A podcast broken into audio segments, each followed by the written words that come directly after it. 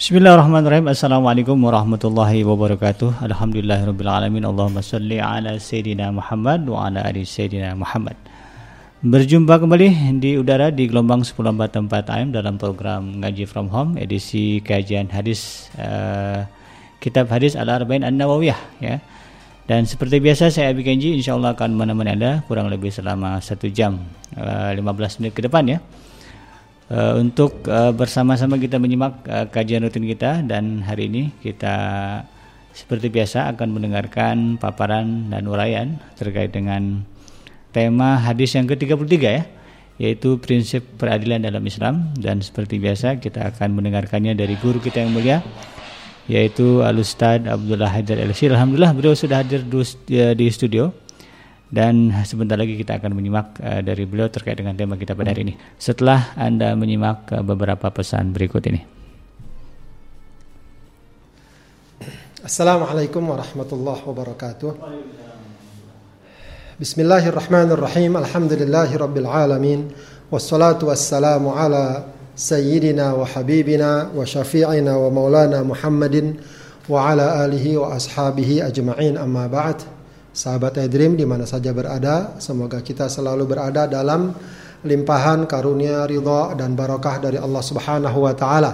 Selamat berjumpa kembali dalam program kita ngaji from home ya yang uh, setelah Ramadan ini kita lakukan setiap hari Selasa sore dan Jumat sore ya untuk membahas hadis-hadis yang terkandung dalam kitab Al-Arba'in An-Nawawiyah. Ya, sekarang kita sudah sampai pada al-hadis ya, Ats-Tsalits wa Ya, hadis yang ke 33 yang berbicara tentang prinsip ya peradilan dalam dalam Islam.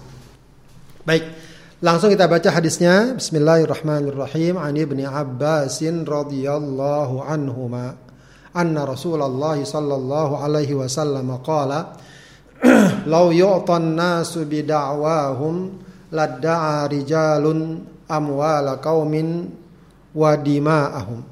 Ya. Walakin al-bayyinatu 'alal mudda'i. Ada juga yang membaca walakinil bayyinata walakin al bayyinata alal mudda'i. Wal yaminu ala man ankar. Ya. Ada yang membaca wal yamina ala man ankar. Hadithun hasanun rawahul Baihaqi hakadha ba'duhu fis sahihain. Ya. Dari Ibnu Abbas radhiyallahu anhuma anna Rasulullah sallallahu alaihi wasallam sungguhnya Rasulullah sallallahu alaihi wasallam bersabda lau yu'ton nasu seandainya setiap manusia setiap orang ya diberikan bidakwahum sesuai dengan apa namanya eh, dakwahannya sesuai dengan tuduhannya ladda'a rijalun maka niscaya eh, setiap orang ya akan menggugat dan melakukan tuduhan amwala qaumin wa yang dapat menggugat harta atau darah satu kaum. Walakin walakin ya, al akan tapi al bayinah saksi atau bukti alal muddai ya, itu bagi orang yang menuduh wal yaminu ala man ankar. Sedangkan sumpah itu bagi orang yang mengingkari. Hadithun hasanun, hadis ini hadis hasan rawahul Baihaqi, hadis riwayat Baihaqi hakada ba'duhu fi sahihain. Sebagian hadis ini redaksinya juga dikutip atau dicantumkan oleh uh, dua ya, penyusun kitab Sahih yaitu Sahih Bukhari dan Muslim. Ya. Baik. Uh, sahabat Adrim yang dimuliakan Allah Subhanahu wa taala terkait dengan uh, perawi hadis ini Ibnu Abbas sudah pernah kita jelaskan ya kita bahas ya beliau adalah Abdullah bin Abbas ya uh, sepupu Rasulullah Shallallahu Alaihi Wasallam ya karena Abbas adalah paman Rasulullah Shallallahu Alaihi Wasallam ya. Uh, namun uh, ketika Rasulullah hidup beliau masih kecil ya akan tapi meskipun demikian uh, dia memiliki ilmu yang sangat banyak ya selain tentu saja karena Allah memberikannya ya Rasulullah pun mendoakannya agar diberikan pemahaman yang agak yang besar dalam masalah agama khususnya dalam masalah tafsir Al-Qur'an. Baik, eh, kita perhatikan terkait dengan kedudukan hadis ini. Ya, para ulama mengatakan Ibnu Dakik Al-Aid yang juga termasuk pensyarah kitab Al-Arba'in An-Nawawiyah dia mengatakan hadis ini merupakan salah satu pokok yang agung dalam masalah hukum dan referensi utama saat terjadi sengketa. Jadi memang hadis ini uh, dikenal oleh para ulama sebagai salah satu landasan ya, atau pokok ya, dalam permasalahan hukum ya masalah uh, uh, apabila terjadi sengketa ya atau peradilan. Syekh Atiyah Salim ya juga termasuk ulama yang mensyarah hadis Al-Arba'in An-Nawawiyah, dia mengatakan bahwa hadis ini merupakan landasan dalam ilmu peradilan, ilmu tentang kodok ya. Kodok itu istilah uh, peradilan dalam is dalam Islam, makanya hakimnya disebut qadhi. Ya, dengan ringkas hadis ini telah menjelaskan tentang fakta keadilan, ya, tentang fakta, ya, uh, sebuah prinsip keadilan yang harus ditegakkan dan objektivitas. Ya, artinya uh, ketetapan itu memang harus ditetapkan berdasarkan bukti-bukti dan fakta-fakta yang ada, bukan sekedar berdasarkan asumsi, tuduhan, perasaan, apalagi sekedar keberpihakan. Ya, uh, dan inilah yang uh, telah sejak awal ya dikenal dan dipraktekkan dalam dalam Islam. Baik, kita Coba lagi pahami eh, kalimat demi kalimat dari hadis ini. Rasulullah mengatakan lau yu'ton nasu bida'wahu. Ya, di sini ada kalimat lau ya. Padahal dalam riwayat yang lain apa kata Rasulullah? La takul lau. Ya, jangan ngomong lau seandainya. Ya, karena kalau ngomong seandainya itu akan membuka fa inna lau taftahu uh, amal syaitan ya karena lau itu akan membuka amal setan setan akan masuk dalam diri seseorang. Ya, akan tapi uh, itu sifatnya tidak mutlak. Ya, sifatnya tidak tidak mutlak. Yang dilarang itu kalau kita ngomong seandainya terkait dengan apa?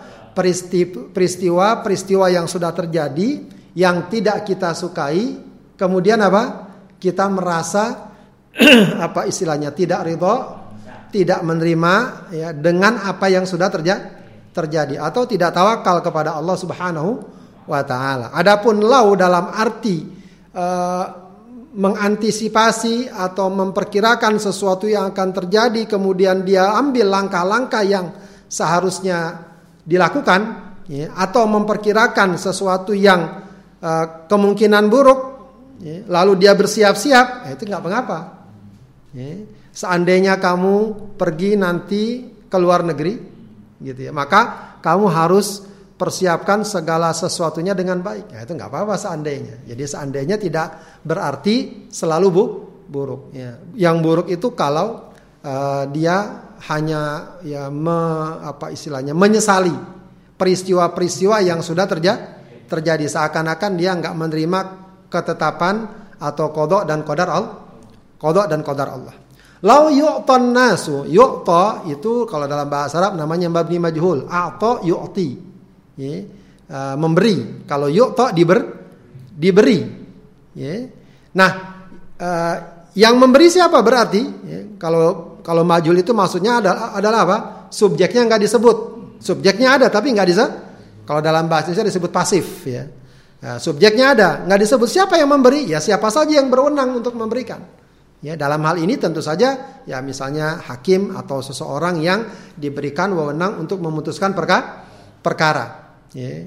Diberi apa maksudnya? Maksudnya adalah dikabulkan ya segala tuntutan yang dia aju ajukan ya. Orang ngadu, ya udah berarti uh, pengaduan kamu diterima, langsung dibuat keputusan hukum, ini bersalah. Nah, itu tidak ya. Kata Rasul, "Lau yu'ton nasu Nah, dakwah ya, itu dari akar kata iddia.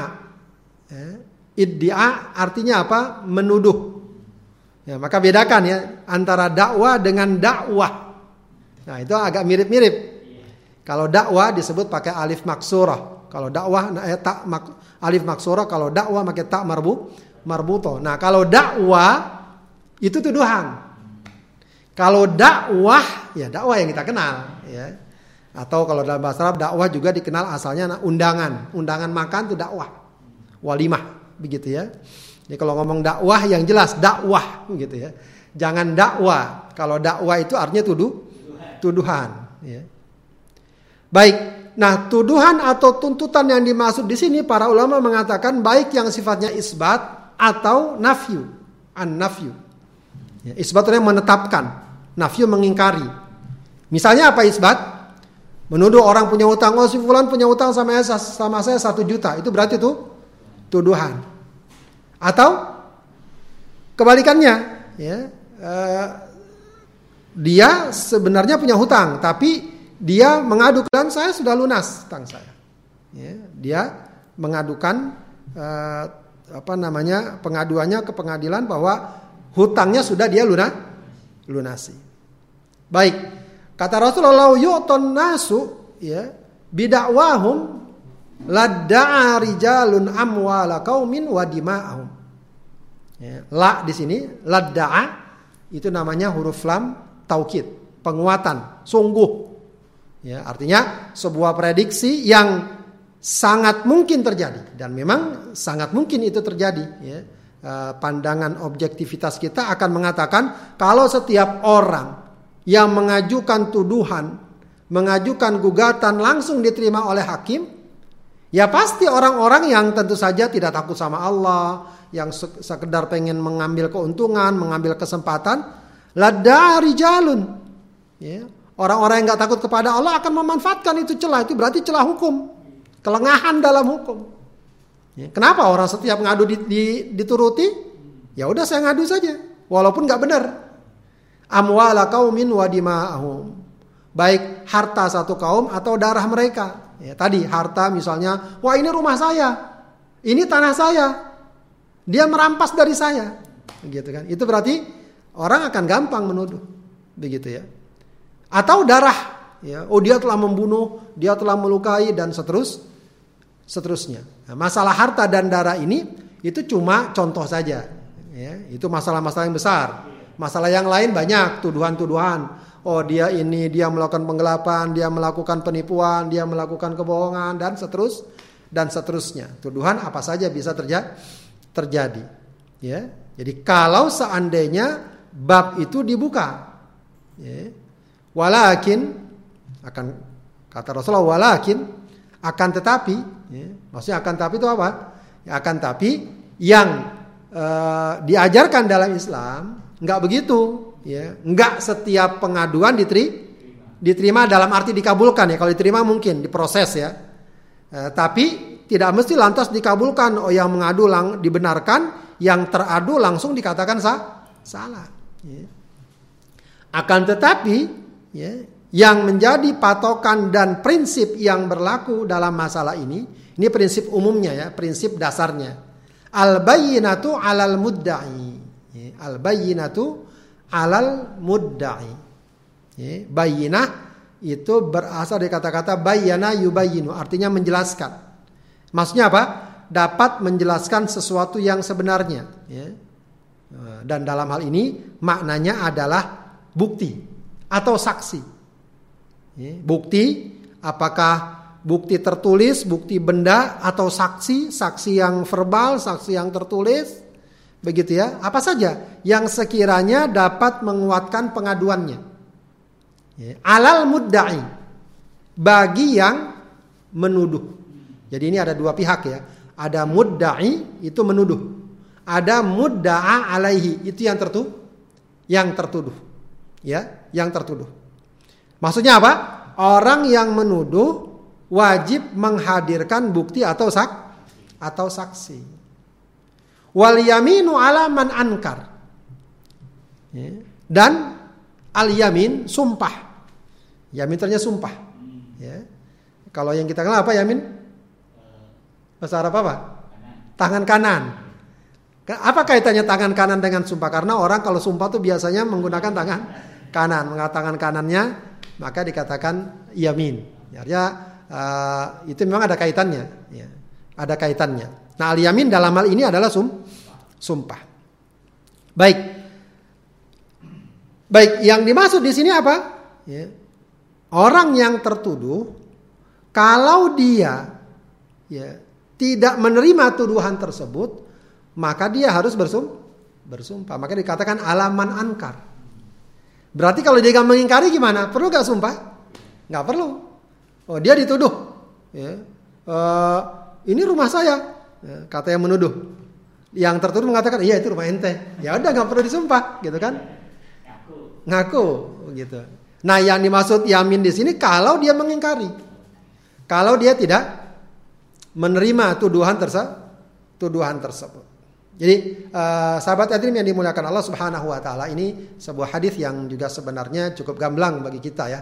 Uh, bagaimana uh, hadis ini memang sebagaimana dikatakan tadi oleh Ibnu Dakik Al-Aid atau Syekh Salim atau para ulama pada umumnya bahwa hadis ini memang uh, menggambarkan sangat jelas ya bagaimana uh, sebuah proses peradilan itu ketentuan itu uh, memiliki dasar-dasar prinsip-prinsip atau katakanlah sekarang disebut dengan regulasi ya, agar uh, segala sesuatu uh, diterapkan berdasarkan ketentuan yang ada. Ya, tidak sembarangan tidak sembrono dan seterusnya baik ada beberapa pelajaran penting dalam hadis ini ya.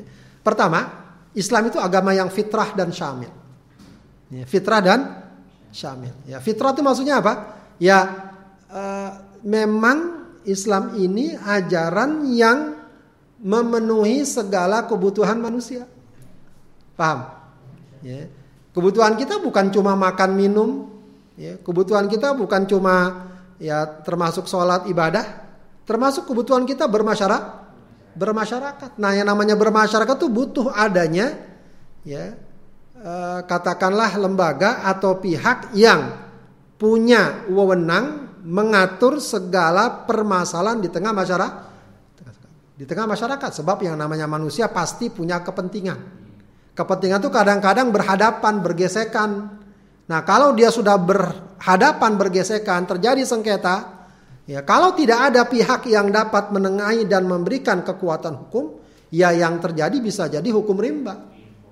Ya, siapa yang kuat, siapa yang menang dan seterus, seterusnya.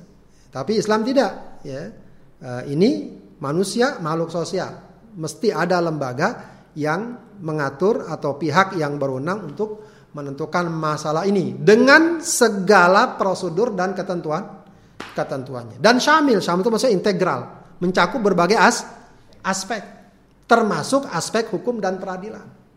Ya, jadi uh, jangan kemudian kita pahami Islam itu uh, cuma masalah uh, apa namanya uh, ibadah, sholat, ritual, tidak. Ya, masalah-masalah sosial kemasyarakatan sampai peradilan ada. Makanya kalau bahas baca kitab-kitab fikih ya termasuk pembahasan dalam kitab fikih itu nanti ada namanya babul kodok, bab tentang peradilan.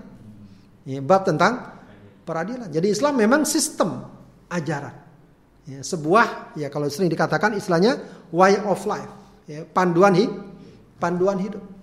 Ya, dia bukan sekedar adat, budaya, moral begitu saja, tidak. Ya.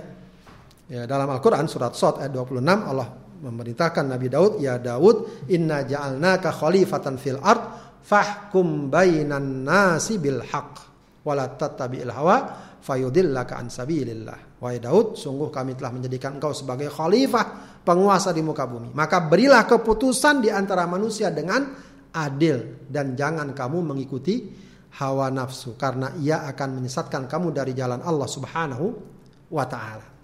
Baik, Hadis ini juga memberikan pemahaman tentang keutamaan hakim yang jujur dan bahayanya hakim yang bodoh atau khianat. Maka adanya seorang hakim, adanya seorang kodi, adanya seseorang yang diberikan wewenang untuk menetapkan keputusan di tengah masyarakat itu luar biasa kedudukannya. Itu luar biasa, luar biasa. Ya, karena apa? Karena keberadaan dia akan menjaga tatanan masyarakat dengan baik dengan baik. Maka kalau dia komitmen, punya integritas, jujur, adil, itu pahala yang sangat luar biasa. Ya. Karenanya siapa pun yang uh, berada di dunia ini, hendaknya dia menyadari kedudukannya. Ya, betapa strategis dan pentingnya dia. Yang kalau dia lurus, ya, maka sungguh akan menjadi ya, catatan kebaikan yang sangat luar biasa Sangat luar biasa. Yang jangankan benarnya, seandainya keliru pun masih dapat pahala dia. Jika hakim kata Rasulullah, "Idza hakamal hakim fajtahada tsumma asaba falahu ajran." Wa idza hakama fajtahada tsumma akhta falahu ajrun. Jika hakim memutuskan berdasarkan ijtihadnya. Lihat ya, ijtihadnya di sini harus dipahami. Ijtihadnya artinya apa? Dia punya ilmunya, dia punya kejujuran, dia punya integritas. Begitu ya. Jangan pakai hadis ini kemudian dipakai untuk kepentingan pribadi.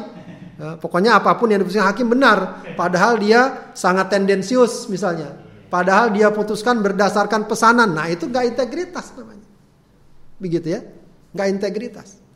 Ya. Kalau dia benar kata Rasulullah falahu ajroni. Dia dapat dua pahala. Wa idza hakama fajtahada falahu ajrun.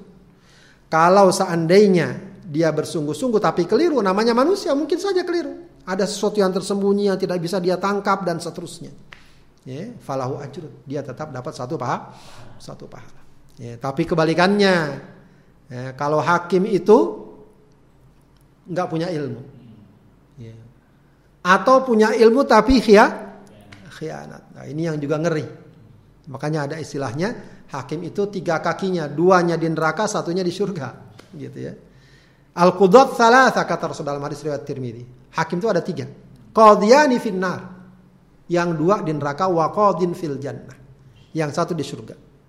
Rajulun qadha bi ghairil haqqi fa'alima dzalik fadzaka finnar. Ya. Bi ghairi ada orang yang memutuskan hukum tanpa ilmu, tanpa hak. Ya, tanpa hak. Fa'alima dzalik dan dia mengetahui.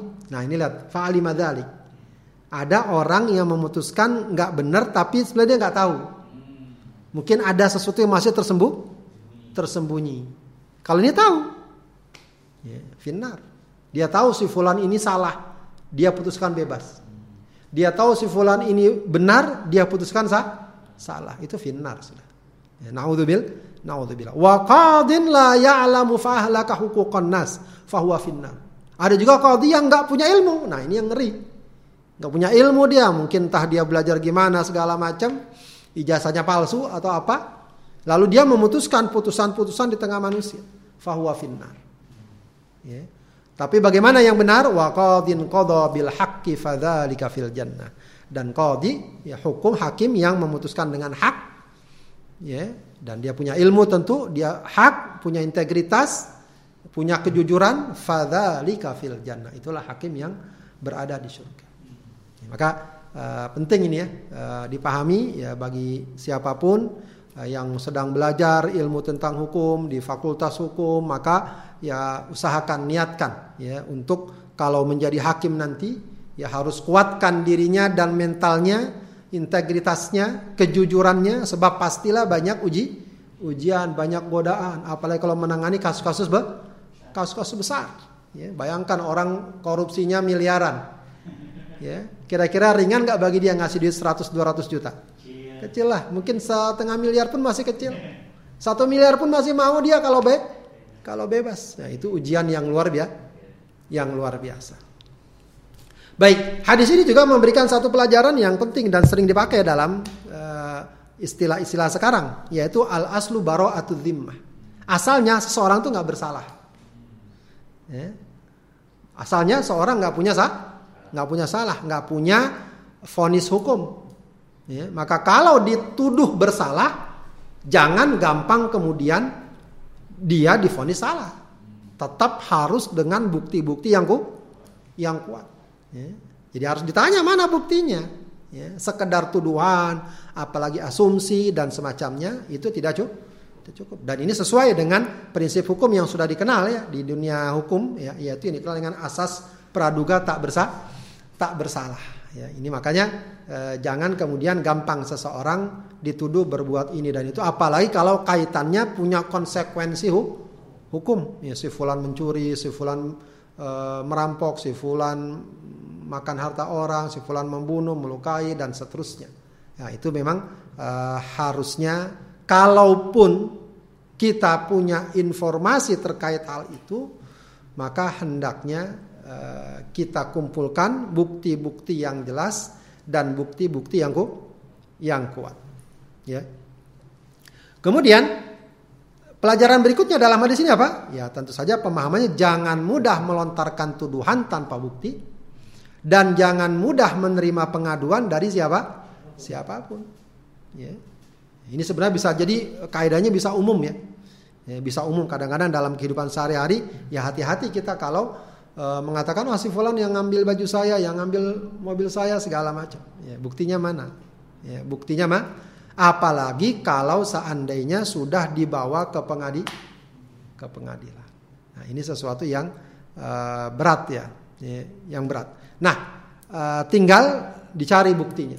Ya, ini makanya penting ya dalam Islam itu apa namanya memilih penguat-penguat dari setiap perkara-perkara yang sifatnya muamalah. Ini yang kalau kita sekarang apalagi dalam bab muamalah yaitu biasanya Eh, banyak hal-hal yang uh, dibutuhkan. Ya, sekarang ini sudah, apalagi pada zaman sekarang sebenarnya kalau kita perhatikan dalam Islam itu sejak dahulu sudah diingatkan. Ya, dalam Al-Quran tentu kita tahu bagaimana ayat yang paling panjang dalam Al-Quran itu ayat tentang apa? Hah? Ayat apa? Tentang hutang, hutang piutang. Itu apa pesan Allah? Ya, kalau kalian berhutang dalam jangka waktu tertentu, apa? Catat.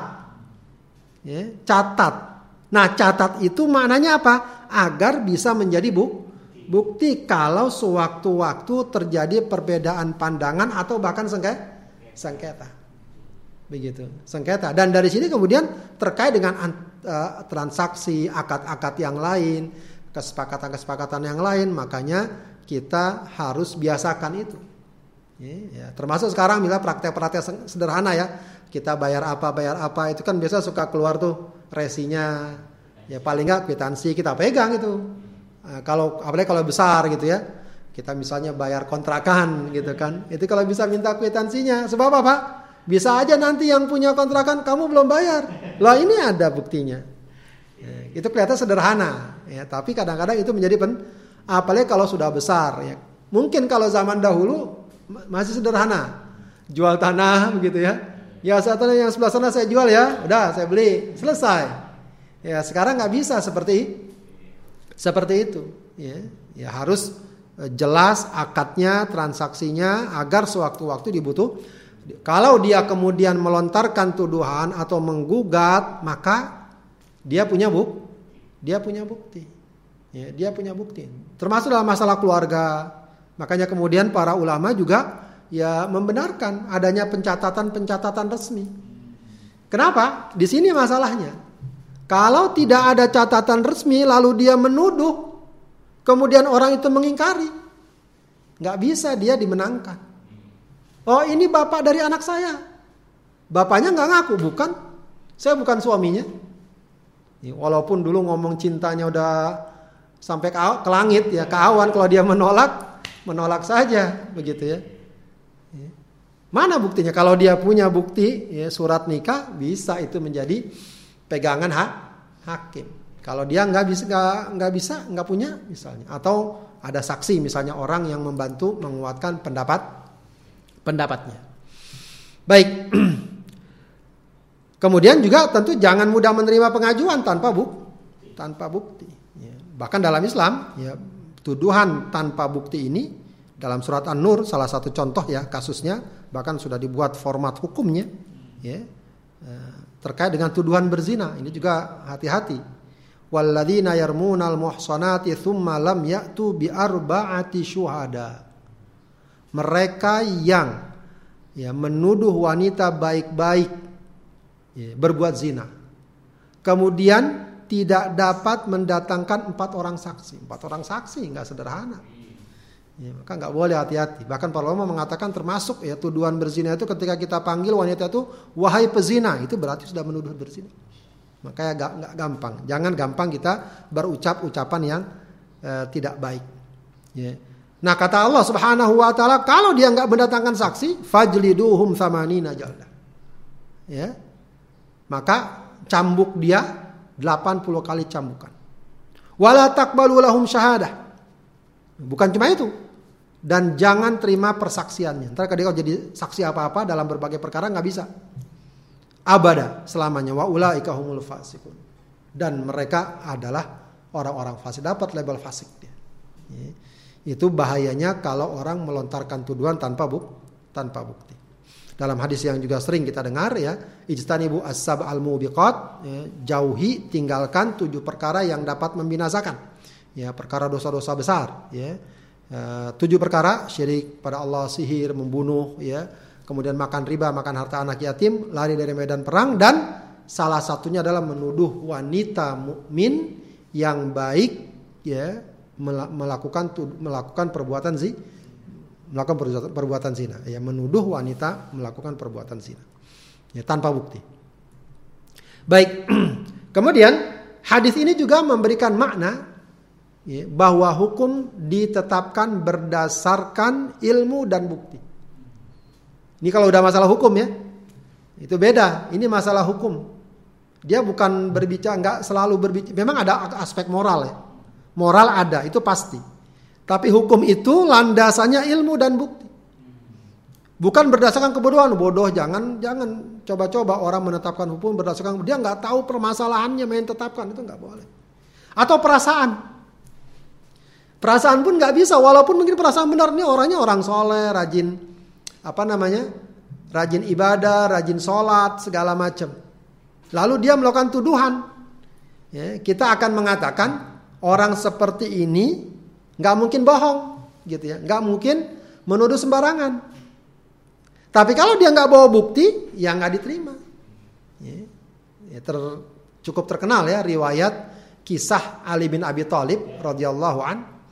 Ya, pada saat beliau menjadi khalifah, ya beliau kehilangan baju besi dan kemudian eh, apa namanya eh, satu hari dilihat baju besi tersebut ada di tangan orang Yahudi. Maka dia mengadu ke kodi. Ya. E, mengadu ke kodi. Apa namanya? Terkenal hadis eh, kodinya saat itu namanya Rabi'ah Ar-Ra'i. Maka kodi ini ya pastilah ya. Kodi yang namanya kodi adalah ulama dan dia tahu yang namanya Ali bin Abi Thalib ya. Siapa yang nggak kenal Ali bin Abi Thalib? sahabat, menantu Rasulullah, orang yang penuh dengan kemuliaan, nggak mungkin dia dusta, nggak mungkin dia menuduh sembarangan, nggak mungkin dia fitnah. Tapi yang namanya peradilan tidak cukup sampai di situ, maka diminta mana buktinya dan mana saksinya. Diriwayatkan bahwa dia mengajukan saksi kalau tidak saudaranya anaknya, begitu ya, anaknya. Ya, ya, maka tidak diterima itu menjadi saksi. Akhirnya kesimpulan proses peradilan menentukan bahwa baju besi tersebut adalah milik orang Yahudi itu karena memang ada di dia. Ya, bukan milik Ali bin Abi Thalib. Ya. Padahal siapa yang meragukan kejujuran Ali bin Abi Thalib? Begitu. Ya. Dan dia saat itu adalah Amirul Mukminin. Ini gambaran ya bagaimana peradilan itu harus betul-betul berdasarkan ilmu dan bukti. Jadi memang bisa jadi tidak orang yang menuduh tidak selalu orang yang menuduh tanpa bukti, ya, tidak selalu dia salah. Boleh jadi dia ben, benar tuduhannya. Itu mobil saya, saya tahu betul ciri-cirinya. Tapi buktinya apa? Katakanlah STNK-nya nggak ada, SIM-nya nggak ada, beberapa apa petunjuk-petunjuknya nggak ada. Ya, nggak bisa di, di dipenuhi begitu saja. Ya, karena ini masalah hukum. Memang kalau masalah moral mestinya orang tersebut yang mencuri yang paham gitu. Tapi kan nggak bisa begitu orang. Ya kalau seandainya setiap orang selesai dengan urusan begitu ya nggak perlu ada hakim, nggak perlu ada polisi segala mah segala macam. Ya, apalagi kalau hukum ditetapkan berdasarkan hawa nafsu, berdasarkan keberpihakan. Nah, ini nggak boleh sama sekali. Sama sekali berpihak ini karena ini kelompok saya, ini golongan saya, ini suku saya. Nah, ini yang yang harus dijauhi inilah yang sering kali merusak ya, dunia hukum dan implikasinya adalah ya keadilan tidak terwujud implikasi dari tidak terwujudnya keadilan keamanan pun tidak teru, tidak terwujud ya. maka diingatkan keliru dengan membenarkan orang yang salah lebih baik daripada keliru dengan menyalahkan orang yang benar ya, jadi jangan sampai uh, orang yang salah itu dibenarkan atau orang yang benar disalahkan meskipun ya dikatakan membenarkan orang yang salah masih lebih baik ya, daripada menyalahkan orang jangan sampai ada orang yang apa namanya benar, dianggap salah, lalu kemudian mendapatkan ponis hukum yang yang berat. Kemudian peradilan adalah sarana untuk menciptakan keadilan dengan keputusannya, bukan sarana kezaliman. Ya, ini yang juga uh, menjadi catatan penting ya. Memang uh, meskipun kita tidak menggeneralisir, ya, tidak jarang orang-orang jahat, orang-orang zalim justru ya menggunakan tangan-tangan di pengadilan untuk melakukan kezalimannya. Ya, ya ini akibat ya dari hakim-hakim atau aparat-aparat yang ada di pengadilan yang tidak punya integritas.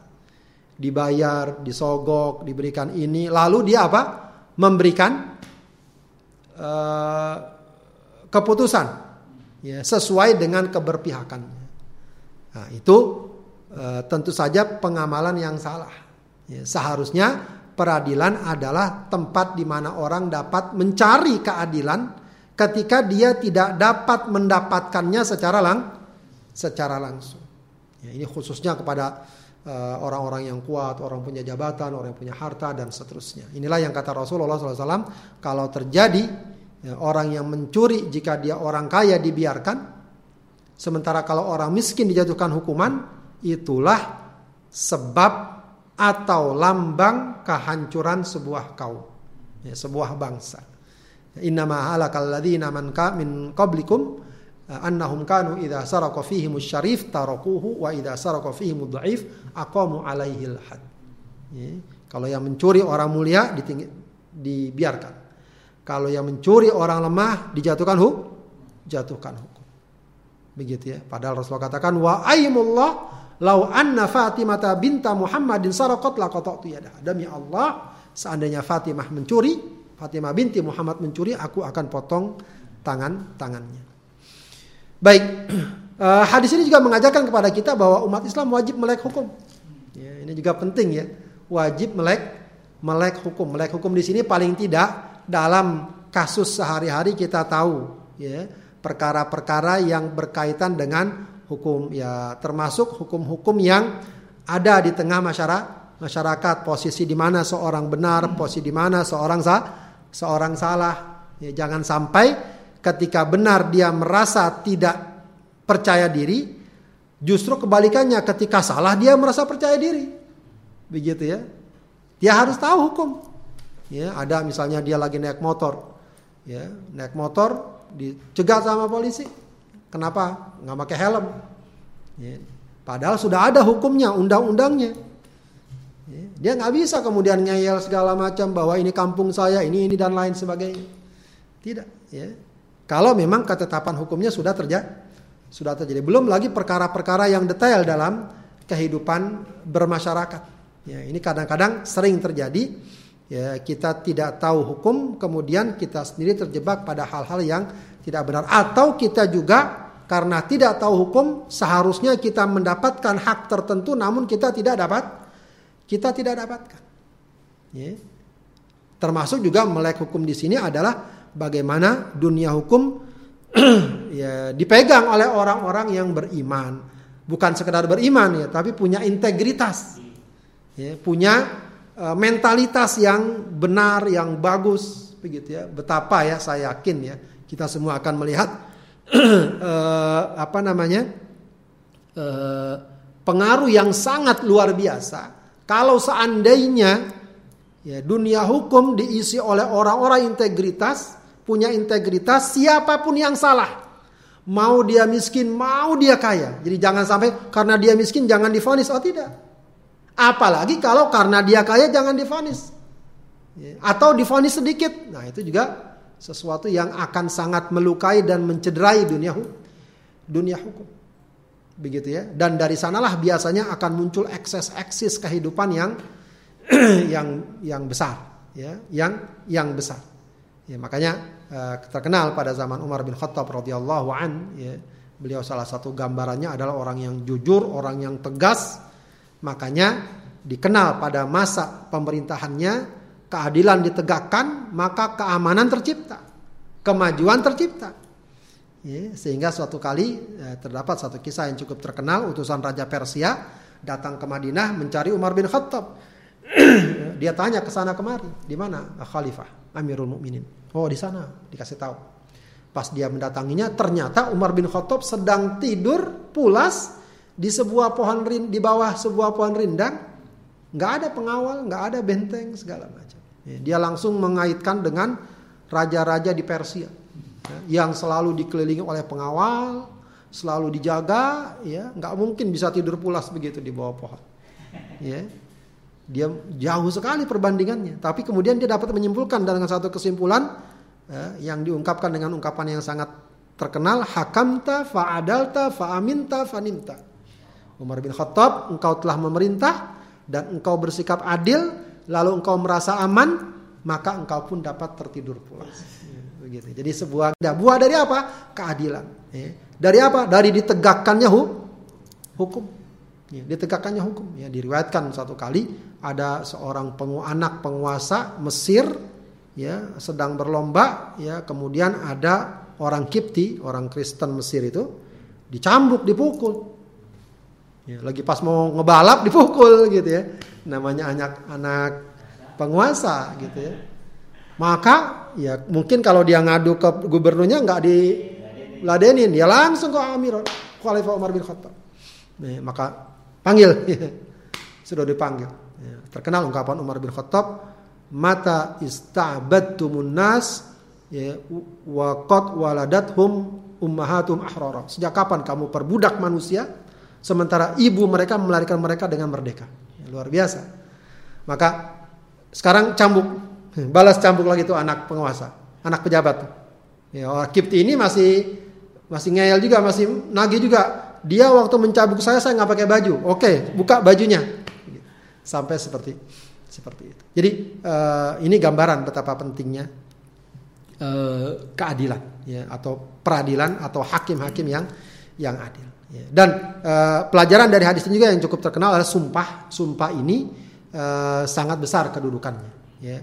Jadi kalau tadi seorang ya, me menuduh nggak ada bukti, lalu dia bersumpah yang menolak bersumpah, maka dia nggak kena hukum. Tidak kena hukum. Ya, sumpah itu besar. Loh kalau dia nggak jujur gimana? Wah itu urusannya bukan dengan hakim. Urusannya nanti dia dengan Allah Subhanahu wa taala. Maka ada disebut namanya yaminul ghamus. Ya. Ghamus itu kata ghamus itu dicelup. Ya. Artinya apa? Sumpah yang dapat mencelup menenggelamkan orang ke dalam neraka. Kenapa? Kalau dia bersumpah dengan sumpah yang tidak benar. Ya, sumpah ini punya saya, padahal bukan punya dia.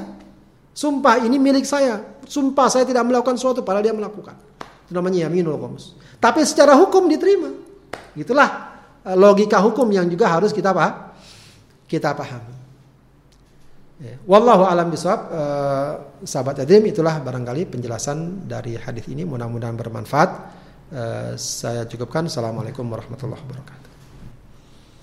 Waalaikumsalam warahmatullahi wabarakatuh. Jazakumullah khair Ustaz atas segala uraian dan pembahasan terkait dengan tema kita pada hari ini yaitu uh, tema hadis yang ke-33 yaitu tentang prinsip uh, peradilan dalam Islam. Jadi mungkin kalau Anda yang tadi menyimak dari awal sampai akhir begitu runut dan jelas ya bagaimana Islam uh, memegang ya prinsip betapa mulianya ya manusia jadi tidak mudah kemudian e, mengambil keputusan ya tanpa ada bukti-bukti yang kuat. Jadi jangan mentang-mentang nah, itu tadi ya anak pejabat dan sebagainya macamnya.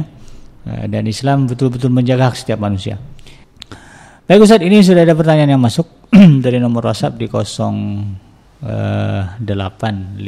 sekian sekian Ustaz. Bismillah, saya izin bertanya untuk materi kajian NFA hari ini.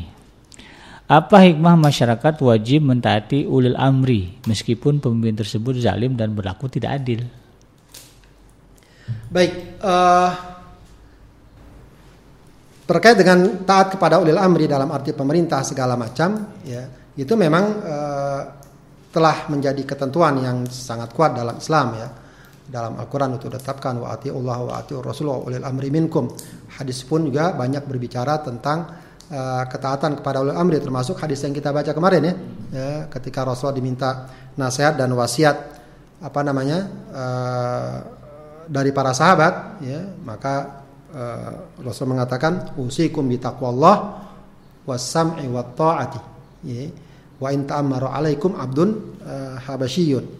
Ya, jadi aku wasiatkan pada untuk bertakwa kepada Allah dan uh, apa namanya? Uh, bertakwa kepada Allah dan taat kepada para pemimpin walaupun kalian dipimpin oleh seorang oleh seorang budak. Itu gambaran betapa taat kepada pemimpin pemerintah itu memang sebuah tuntutan, ya, sebuah tuntutan.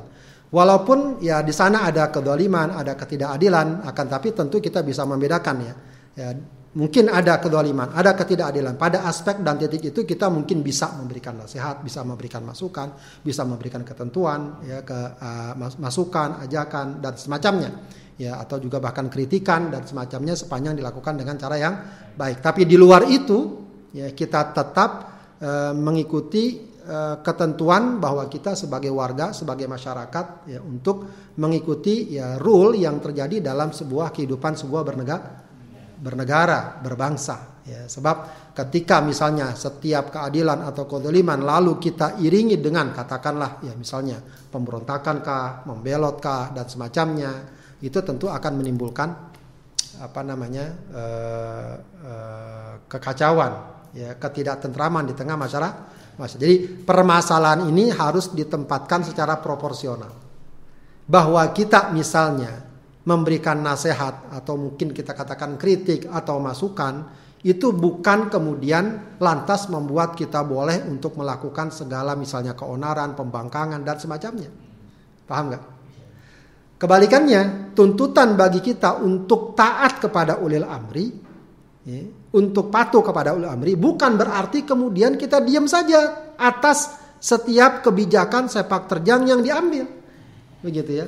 Udah kita taat pada amri, biar apa pun itu, ya apa pun yang dibuat kebijakannya kita diam aja lah. Ya kita taat, ya tidak bisa kayak begitu. Ya. Sebab uh, bahkan negara pun, undang-undang pun, ya memberikan kita ruang untuk memberikan masuk masukan untuk memberikan nasihat nasihat untuk memberikan kontrol. Jadi permasalahan ini harus dilihat secara berim, berimbang ya, berimbang. Wallahu a'lam bishawab. Uh, demikian ya untuk penanya yang uh, tadi di nomor WhatsApp terkait dengan uh, persoalan uh, hukum dengan dulu amr ya. Jadi Ustaz sudah jelaskan, ya mudah-mudahan bisa dipahami dengan baik. Dan uh, kita masuk ke pertanyaan berikutnya Ustaz. ini dari akun uh, YouTube Ustaz atas nama Ibu Ina ini ya. Assalamualaikum Ustaz, jika orang yang benar kemudian dituduh atau malah dituduh dan dinyatakan bersalah oleh manusia atau peradilan, Eh, apakah itu kemudian eh, bisa dipahami sebagai sebuah kode dan kodarnya Allah Subhanahu wa taala? Dia tidak bersalah, kemudian dituduh bersalah, diponis dalam begitu, dijalani hukuman. Apakah itu termasuk dalam kode dan kodarnya Allah Subhanahu wa taala? Ya, segala sesuatu pada hakikatnya tidak pernah lepas dari kodok dan kodar Allah. Hmm. Dia ditetapkan sesuai hukum, dia ditetapkan tidak sesuai dengan hukum, dia dijatuhi hukum dengan adil atau tidak dengan adil itu pada hakikatnya merupakan bagian dari kodok dan kodar Allah. Artinya eh, tetap kita antara ya eh, ridho menerima agar segala keputusan keputusan dan ketetapan Allah ya dan juga eh, bersyukur ya apabila memang yang kita dapatkan adalah kebaik kebaikan. Ya, cuma tentu masalah ini masalah yang kita tempatkan pada tempatnya Sementara masalah yang lain bahwa kita harus berjuang, kita harus mencari keadilan, kita tetap misalnya kalau dalam dunia peradilan kita harus mengajukan kasasi misalnya, ya e, harus apa namanya banding atas ketetapan yang ada, ya itu sesuatu yang di uh, dibuka atau dibolehkan sebagai bab ikhti, ikhtiar untuk mencari keadil, untuk mencari keadilan. Ya, jadi Eh, selalu harus kita pahami masalah keimanan kita kepada takdir ya tidak boleh ya menghalangi kita dari ikhtiar upaya mencari hal yang terbaik. Dan itu insya Allah bagian dari amal soleh juga. Gitu jadi jangan kemudian belum apa-apa udahlah saya pasrah ya mau diputusin kayak gimana kayak saya pasrah misalnya dia nggak ada usaha untuk membela diri bagaimana agar dia lepas dan terbebas dari jeratan hukum. Apalagi kalau dia yakin bahwa dia ben benar. Ya. Harusnya semangat. Yang salah aja semangat dia agar dia bebas. Ya. Padahal dia salah dia tahu. Ya, cuma karena dia punya ini punya itu dia cari jalan agar be bebas. bebas. Nah, eh, setiap muslim ya dituntut ya dan ini juga tentu saja menjadi kewajiban dan tanggung jawab kaum muslimin secara umum ketika melihat misalnya saudaranya yang dizalimi dan seterusnya eh, paling tidak memberikan support, memberikan dorongan kalau dia punya kemampuan dalam bidang hukum, katakanlah dia memberikan pembelaan, pendampingan, ya advokasi dan semacam dan semacamnya. Ya, wallahu a'lam. Jadi uh, walaupun kita tahu ya segala sesuatu ditetapkan oleh Allah Subhanahu wa taala, tetapi sebagai manusia harus ikhtiar ya. Kalau memang terjebak dalam masalah hukum dan kita merasa benar seperti kata Ustaz tadi, ya kita berjuang bagaimana kemudian bisa membuktikan bahwa kita tidak bersalah ya. Jadi uh, apa namanya tidak kemudian pasrah begitu saja ya. Uh, baik Ustaz, ini masih ada pertanyaan lagi Ustaz dari uh, akun yang sama. Uh, jika misalnya orang yang uh, ada orang yang menuduh seseorang berbuat tidak baik, tapi tidak ada bukti dan tidak juga kemudian bisa mendatangkan saksi Ustaz. Ya. Tapi dia uh, dari komentarnya dia yakin bahwa orang itu melakukan kesalahan atau berbuat sesuatu yang tidak baik lah. Uh, kemudian uh, ending ceritanya yang dituduh ini meninggal dunia. Nah, ini dalam peradilan seperti apa Ustaz?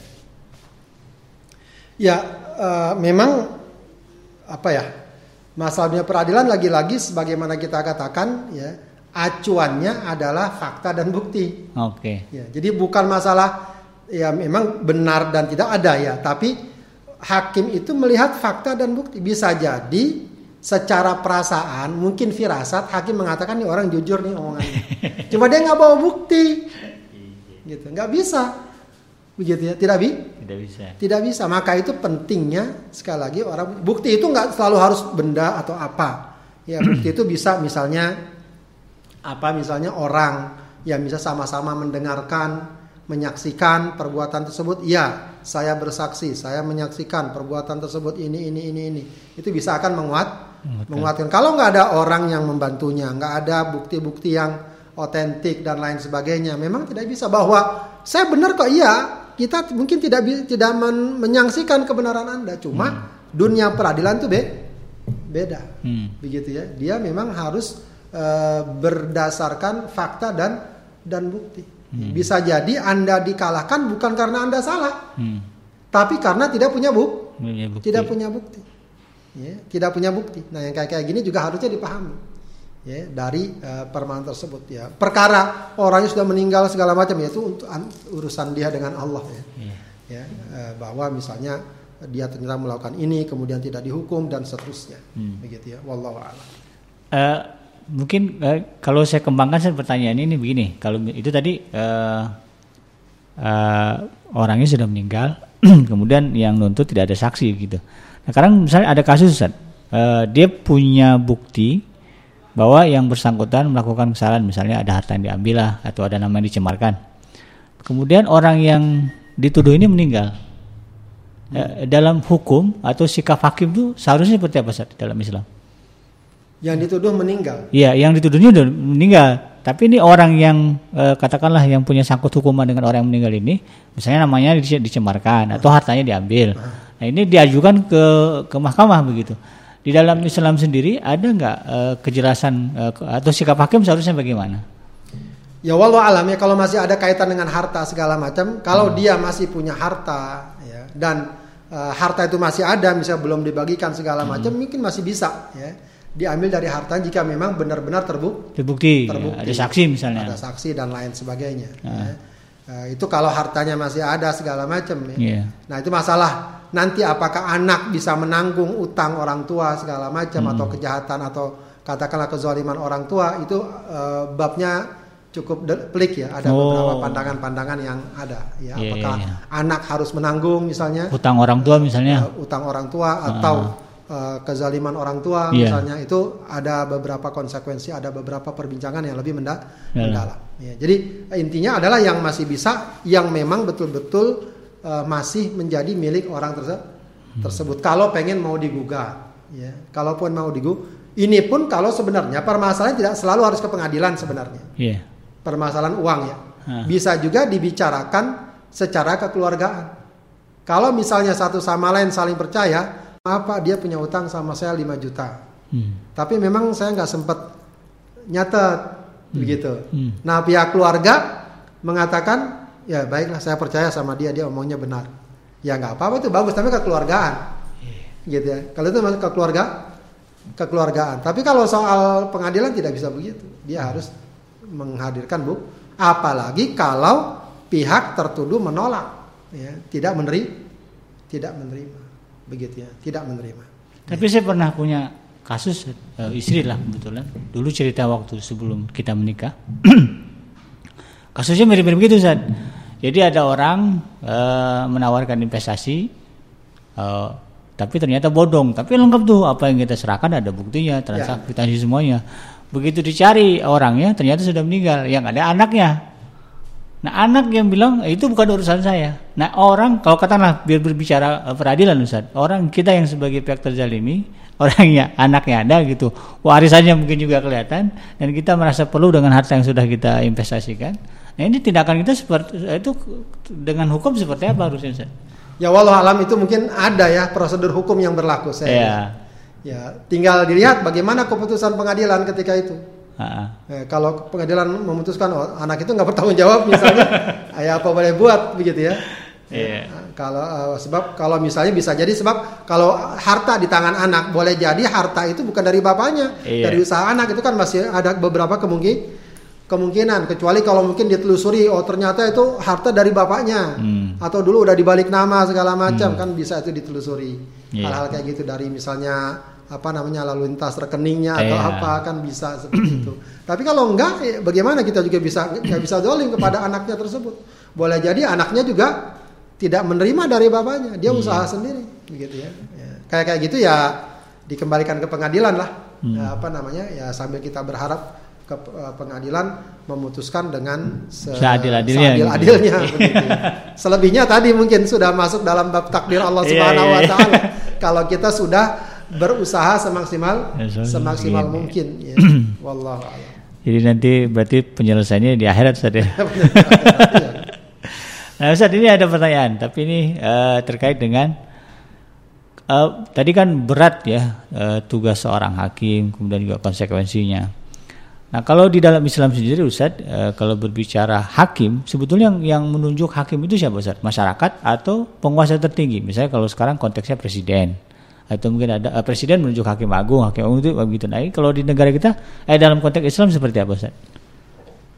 Ya, eh, kalau dalam eh, sirah kita dapatkan yang menentukan adalah pemimpin.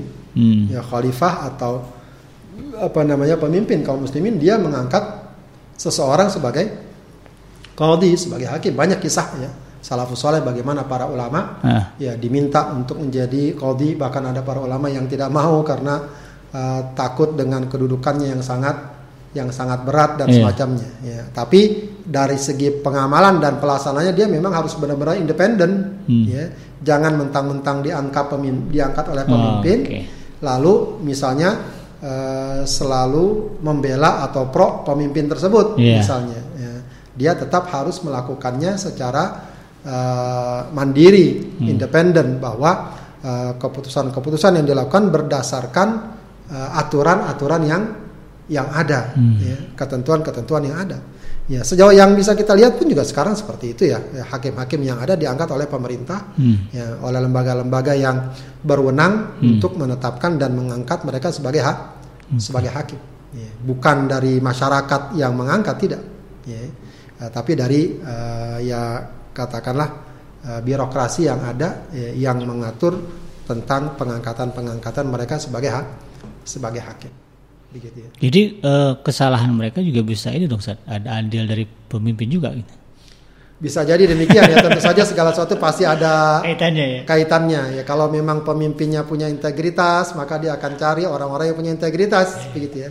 Kalau tidak dia akan cari orang-orang yang ya mungkin ya kalaupun ini sejalan lah atau apa Iya. dan semacam ini memang semua ada kaitannya betul Iya. ada kaitannya Baik, uh, sahabat Adrim yang dimuliakan Allah Subhanahu wa taala, alhamdulillah kajian kita sudah kita selesaikan ya. Intinya memang hadis ini uh, menggambarkan sebuah uh, bagian dari Islam yang sangat agung yaitu yaitu masalah peradilan, masalah keputusan hukum.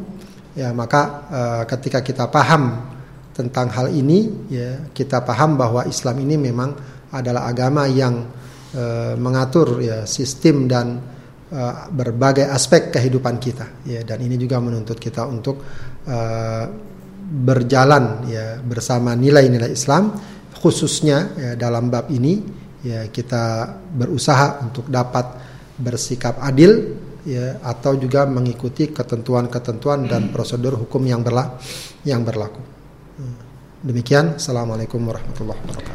Waalaikumsalam warahmatullahi wabarakatuh. Demikian uh, tuntas sudah kebersamaan kita dalam program ngaji from home edisi uh, kajian kita hadis Al Arabin Al Arabain An Nawawiyah dan kita baru saja mendengarkan uh, dari guru kita tema hadis yang ke-33 tentang prinsip uh, peradilan dalam Islam. Mudah-mudahan bermanfaat dan mudah-mudahan Anda bisa memahami apa yang Anda apa yang kita pelajari pada hari ini. Dan uh, saya Bikenji beserta beserta kru yang bertugas pada program uh, ngaji from home kali ini Mohon dibukakan pintu maaf yang sebesar-besarnya atas segala kekurangan. Dan uh, kita tutup dengan membaca hamdalah alhamdulillahirabbil alamin serta doa penutup majelis. Subhanakallahumma rabbana wa bihamdika asyhadu an la ilaha illa anta astaghfiruka wa atubu ilaik. Bila taufiq Wassalamualaikum warahmatullahi wabarakatuh.